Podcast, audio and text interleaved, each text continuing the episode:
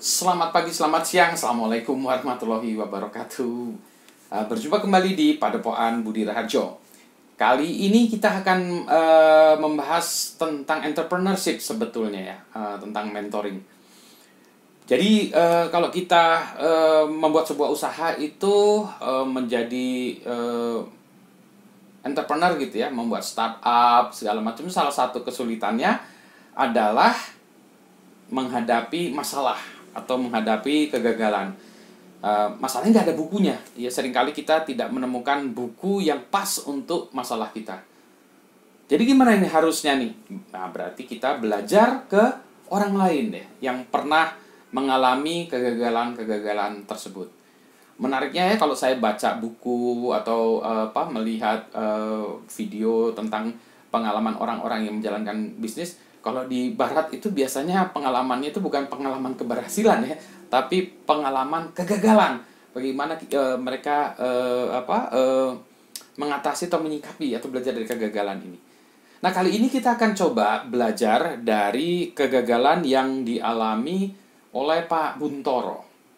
Nah, Pak Buntoro itu siapa? Nah, Pak Buntoro ini salah satu entrepreneur yang uh, membuat hospital equipment ya uh, teknologi mak teknologi yang di uh, Jogja sana.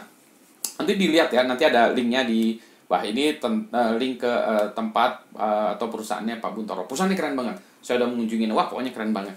Nah Pak Buntoro ini tentu saja sebagai seorang entrepreneur tidak jalan itu tidak linear, tidak lurus gitu ya.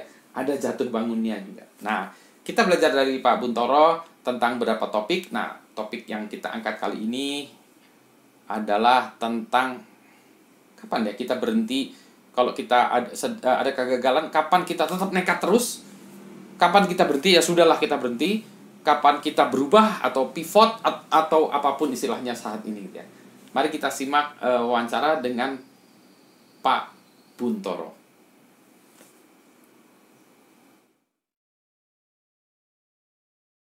Pak Buntoro selamat siang Ya, saya ingin bertanya mengenai uh, sesuatu yang sekarang dihadapi banyak sekali entrepreneur, terutama di saat ekonomi yang sulit seperti ini. Beberapa perusahaan sudah mengalami uh, kesulitan yang dalam, beberapa mungkin juga sudah jatuh atau ambruk. Nah, pertanyaan yang mengemuka bagi teman-teman entrepreneur yang masih muda khususnya adalah apakah bisnis ini layak untuk diteruskan? Apa alasannya? Atau sebaiknya kita mencari hal baru, bikin bisnis baru, atau mungkin bekerja pada orang lain dulu atau kalau istilahnya sekarang di ghosting, dibiarin dulu nanti kalau situasi ya akan kembali lagi. Saya bertanya demikian mengingat dari buku yang kita baca sama-sama yaitu Never Ending Journey uh, perjalanan MAK, ada masa di mana ketika akhir 80-an Bapak juga mengalami situasi di mana uh, bisnis yang awal itu jatuh dan kemudian ada satu tekad untuk membangun kembali. Boleh kami diberikan satu wawasan, kira-kira apa yang mendasari seorang untuk mengambil keputusan meneruskan bisnis atau mengambil keputusan yang lain, Pak? Jadi, jadi begini, Mas Elmi, sebetulnya kan apa setiap bisnis ini kan selalu bisa mengalami permasalahan lah, entah itu internal maupun eksternal ya.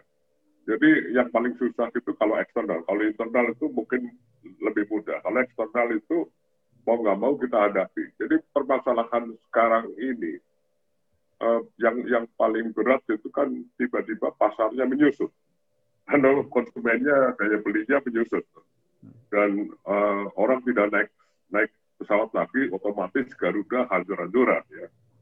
Terus kemudian uh, orang tidak nginep di hotel lagi, hotel hancur-hancuran juga.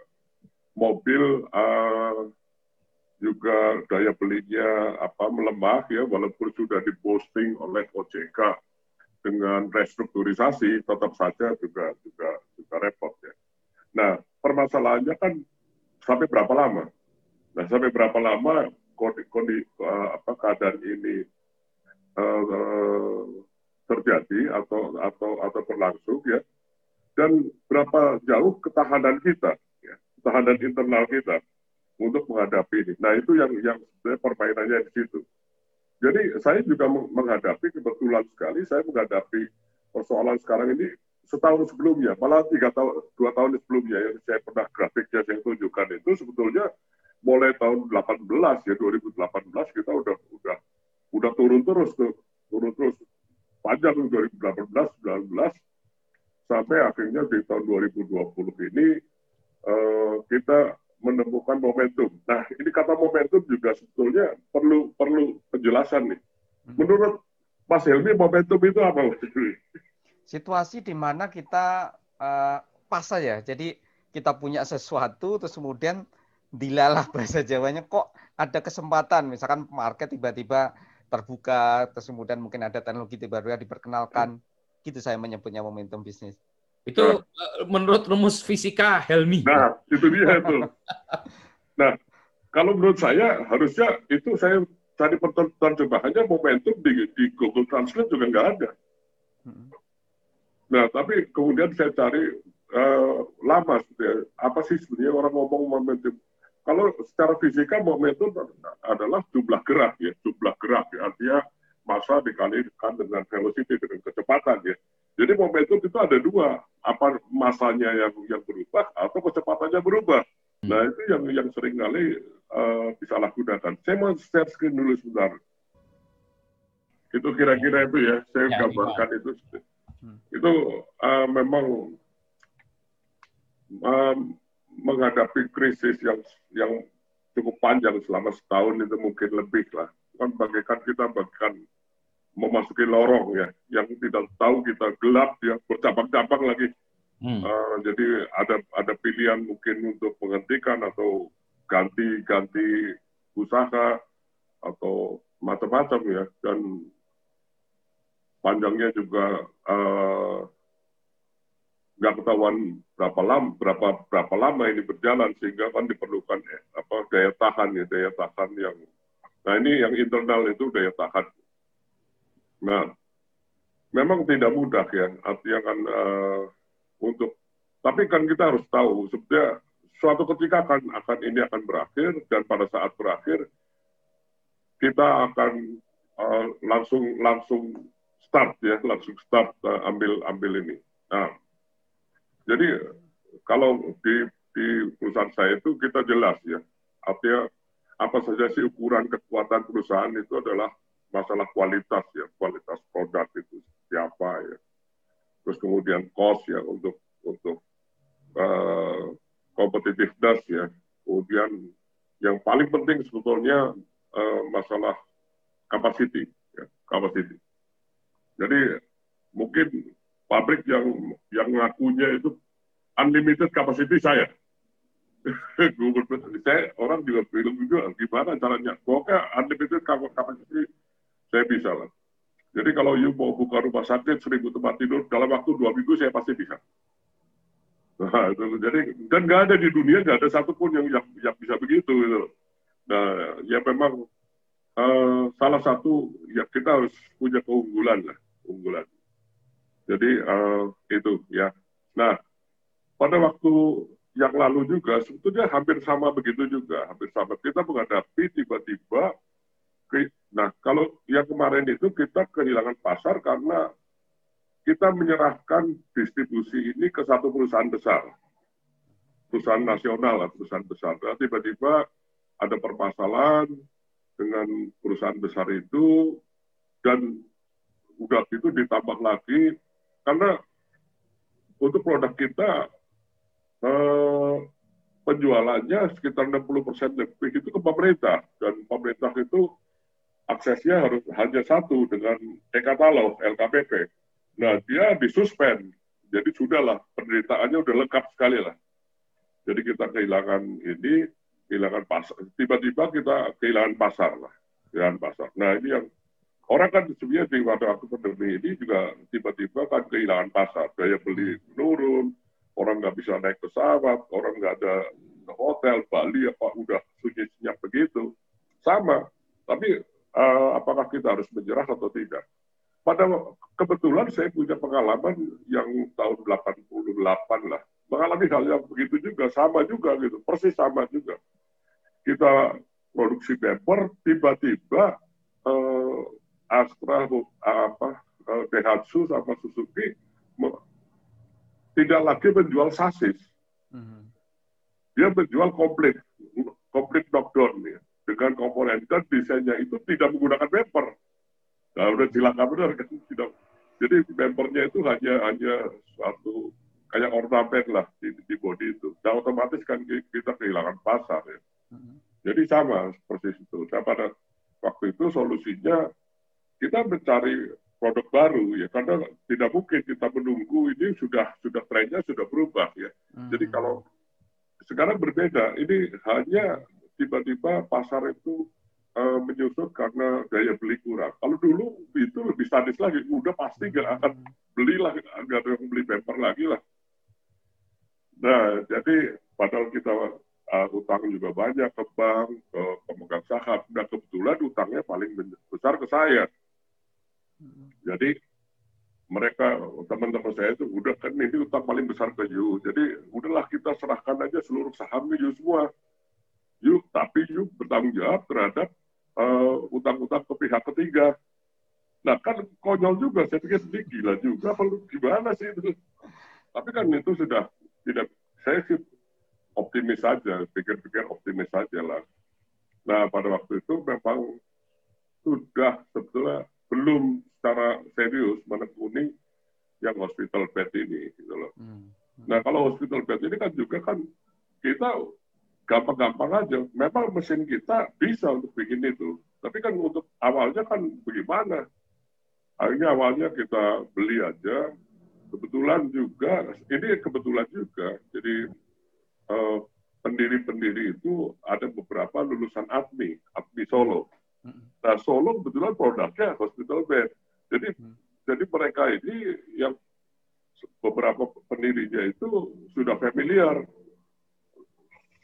Malahan salah satunya engine, uh, yang bagian engineering yang jadi tahu benar lah. Nah, tapi kan bisa bikin belum tentu bisa jual. Kita hmm. belum pernah jualan hospital bed nih.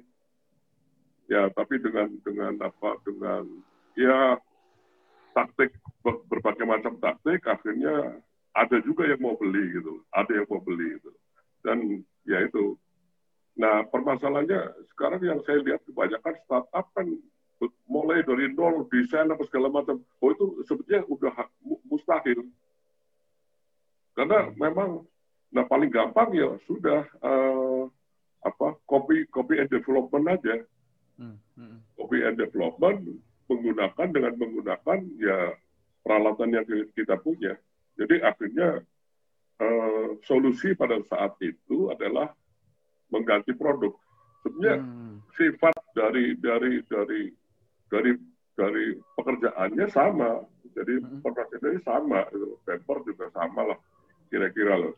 Nah, karena kita udah punya peralatan-peralatan walaupun sederhana, ya, jadi sudah kita bikin hospital bed aja.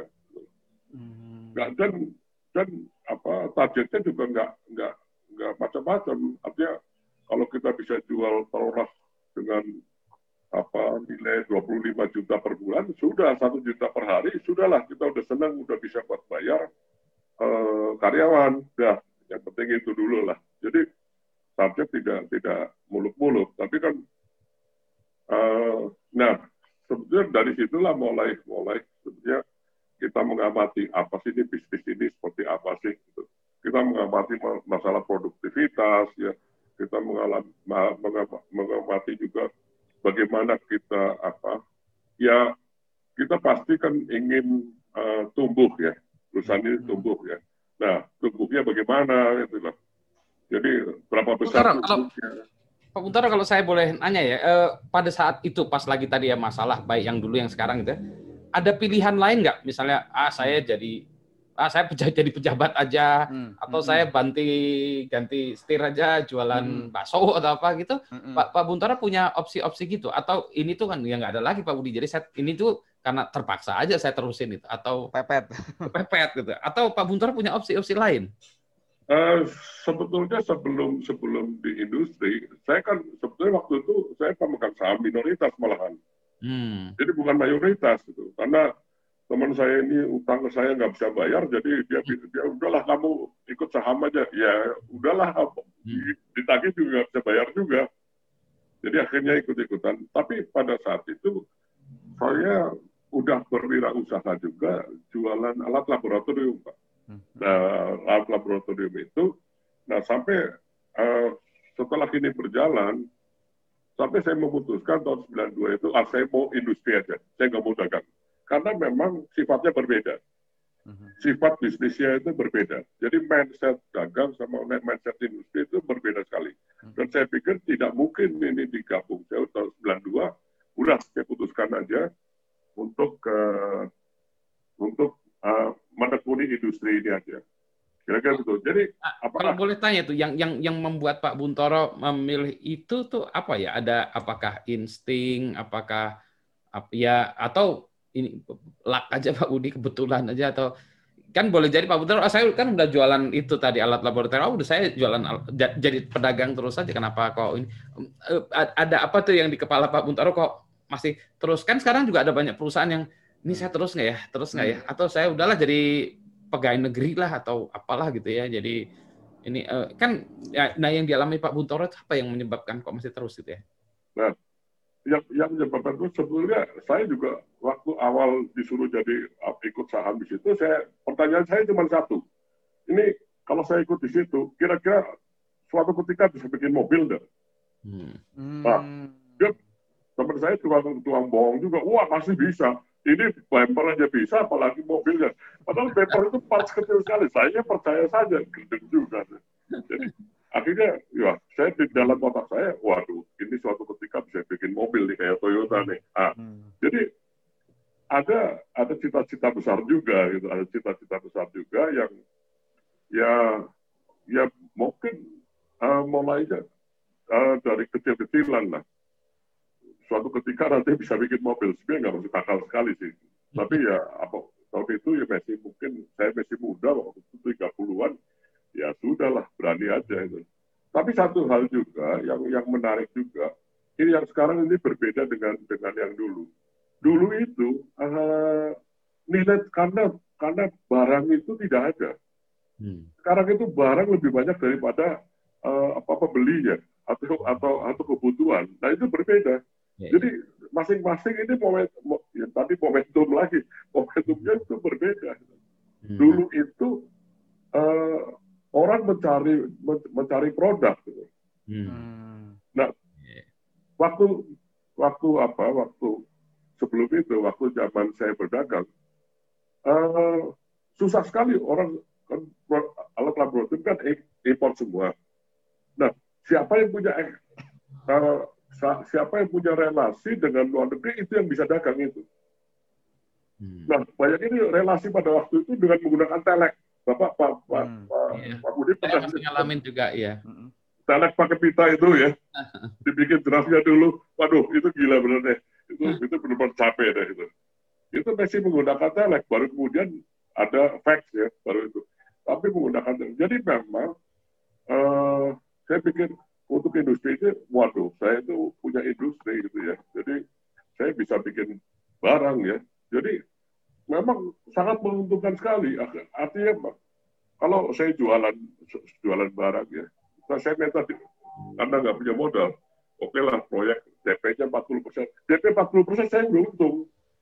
Hmm. Nah, itu jadi memang ada ada saat-saat yang yang berbeda lah, zaman-zaman yang berbeda yang yang yang yang apa dan pada waktu itu uh, karena tidak ada uh, import itu mahal uh, sehingga uh, lokal itu bisa bisa bisa laku tanpa proteksi pun laku hmm.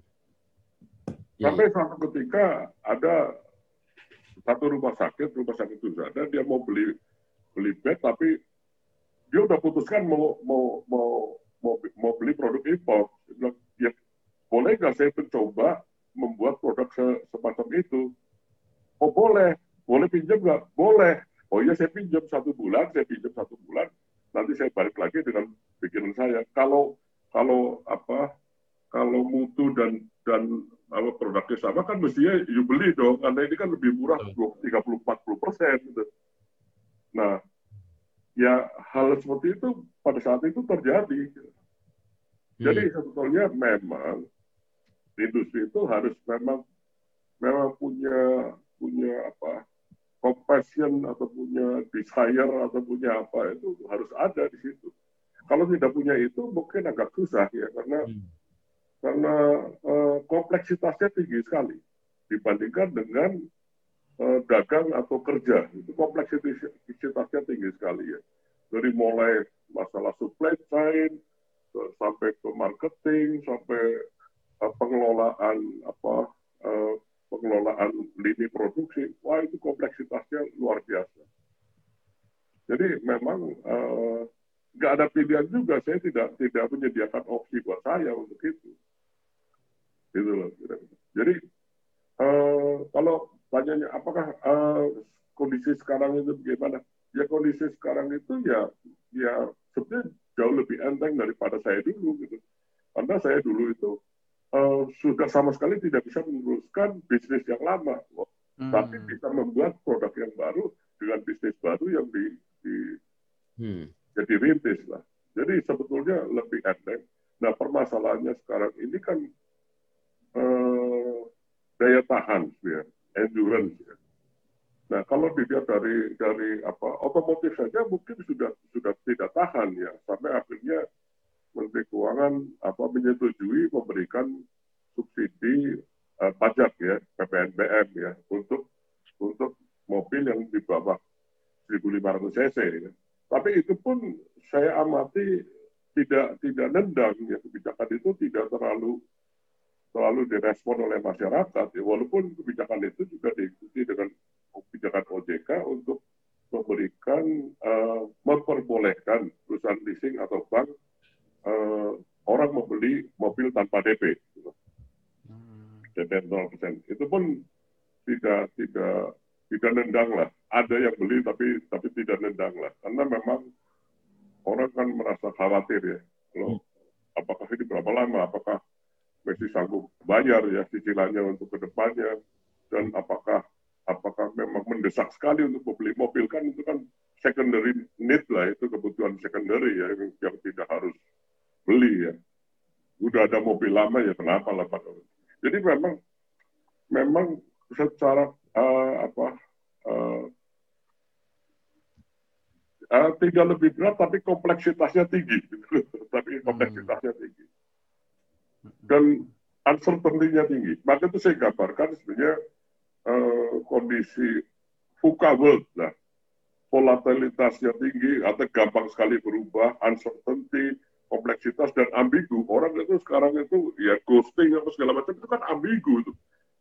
Ya ada dan tiada tuh. Nah.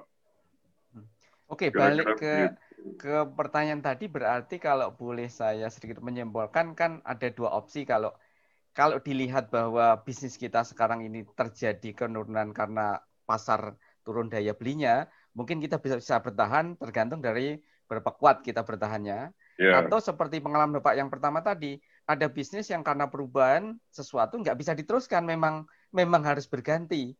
Tetapi yeah. berganti pun kita harus melihat modal kita punya pengalaman atau pernah pengalaman atau tidak. Begitu ya Pak ya? Ya, sebetulnya bukan hanya modal, uh, bukannya melihat pengalaman kita, tapi juga melihat apa sumber daya kita yang lain hmm. gitu loh. Jadi kalau hmm. kita punya udah punya permesinan, misalkan misalkan punya punya mesin digital printing, ah saya bikin kaos saja ya tak bagaimana hmm. yang yang itu bisa gitu loh. Gak nggak nggak perlu beli beli mesin lagi. Kira-kira hmm. begitu. Hmm. Nah ini cocok nih dengan industri musik juga ya. Yang kalau hmm. saya lihat konsep uh, itu uh, tujuh ruang gitu kan ya. Hmm. Apa DSS bisa menjadi pelopor? Ya karena tadi dia punya itu sudah punya sumber Iya. Sudah punya, punya infrastruktur, kan? betul. Nah, dia udah punya rumahnya, sudah punya alat-alatnya, sudah punya uh, alat-alat all kinds of equipment, alat-alat musik segala macam ada, mixernya sudah ada, pegawainya sudah ada, tinggal kontennya aja. Jadi dia juga berubah ke situ juga yang tadinya live show gitu ya sekarang live show online ya bisa karena nggak perlu invest lagi. Kalau saya ya, mau mulai saya harus beli rumah yang rumahnya ada tujuh ruang atau lebih harus beli ini wah nggak nggak ya harus ada modalnya nggak masuk akal juga. Iya betul. Nggak masuk akal. Nah memang memang harus betul-betul memanfaatkan sumber daya yang ada. Hmm. Hmm. Nah itu hmm. itu uh, begitu. Nah kebetulan aja kemarin itu dalam situasi yang yang buruk yang taruhlah dari 2018-19 itu, nah kita menemukan, eh, kita kebetulan aja mendapatkan customer ekspor yang yang ya bisa dibilang keajaiban aja tiba-tiba kita bisa ekspor ke Australia. Kita tidak sebelumnya tidak ekspektasi. Tidak expecting itu. Hmm. dan dan ada covid ada covid juga. Tapi ada covid itu juga juga meningkatkan.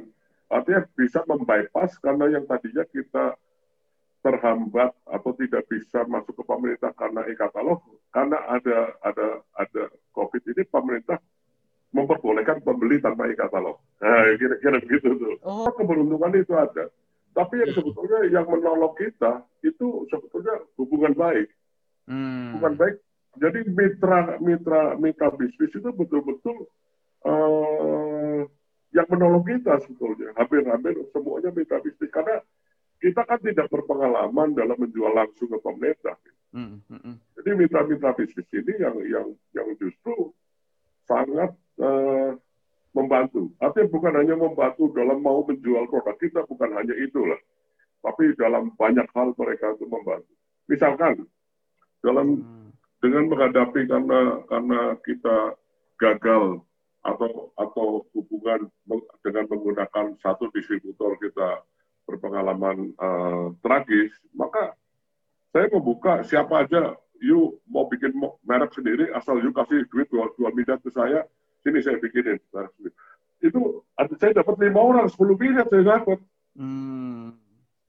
oke okay. nah, saya modalnya kan dosun doang sama sama spek teknis supaya dia bisa punya nomor izin edar di Kemkes apa dia bisa jual dia tidak bisa jual menunggu nanti LKPP buka apa e-katalog buka itu terjadi pada uh, awal tahun 2020. Hmm. Awal tahun 2020 saya dapat itu. Hmm. Hmm. Nah, nah LKPP yang ditunggu-tunggu baru buka itu Desember baru baru September buka baru Desember baru tayang. Jadi setahun itu. Hmm. Tapi kan ya hmm. kalau kita nggak punya hubungan baik, saya rasa akan sulit ya. Jadi hmm. jadi intinya sebetulnya ya memang memang hubungan baik. Ya, itu yang paling inti. Gitu. Ya. Walaupun kita punya produk bagus, punya harga bagus, tapi kalau kita oh, apa dimusuhi orang juga juga nggak mungkin. Baik, ini menarik kesimpulannya. Jadi kalau boleh kita sebagai penutup untuk sesi pertanyaan pertama ini kan ibaratnya kita harus jaga baik-baik hubungan dengan apa itu Pak relasi. Jangan di ghosting karena siapa tahu kita perlu ya suatu saat Oh iya, dan harus okay. dipupuk seperti dari jauh-jauh hari itu harus memang harus dipupuk. Oke, okay, ya. Dan intinya sebetulnya intinya hmm. sebetulnya intinya inti dari inti itu. Core uh, of the core. Inti dari inti inti dari inti itu adalah bagaimana kita uh, uh, selalu berpikir menguntungkan, hmm. menguntungkan mitra. Itu. Hmm keuntungan kita ah itu gampang lah pasti udah, udah ada udah kita udah udah pasti untung lah gitu lah keuntungan okay. kita aja oke okay. nah selama itu menguntungkan ya selama itu mereka akan punya punya apa kesetiaan ya loyalitasnya ada itu oke okay. yakin itu 100% itu Terima kasih banyak Pak Buntoro atas kesempatannya untuk pertanyaan pertama ini. Nanti kita lanjut pada pertanyaan-pertanyaan berikutnya.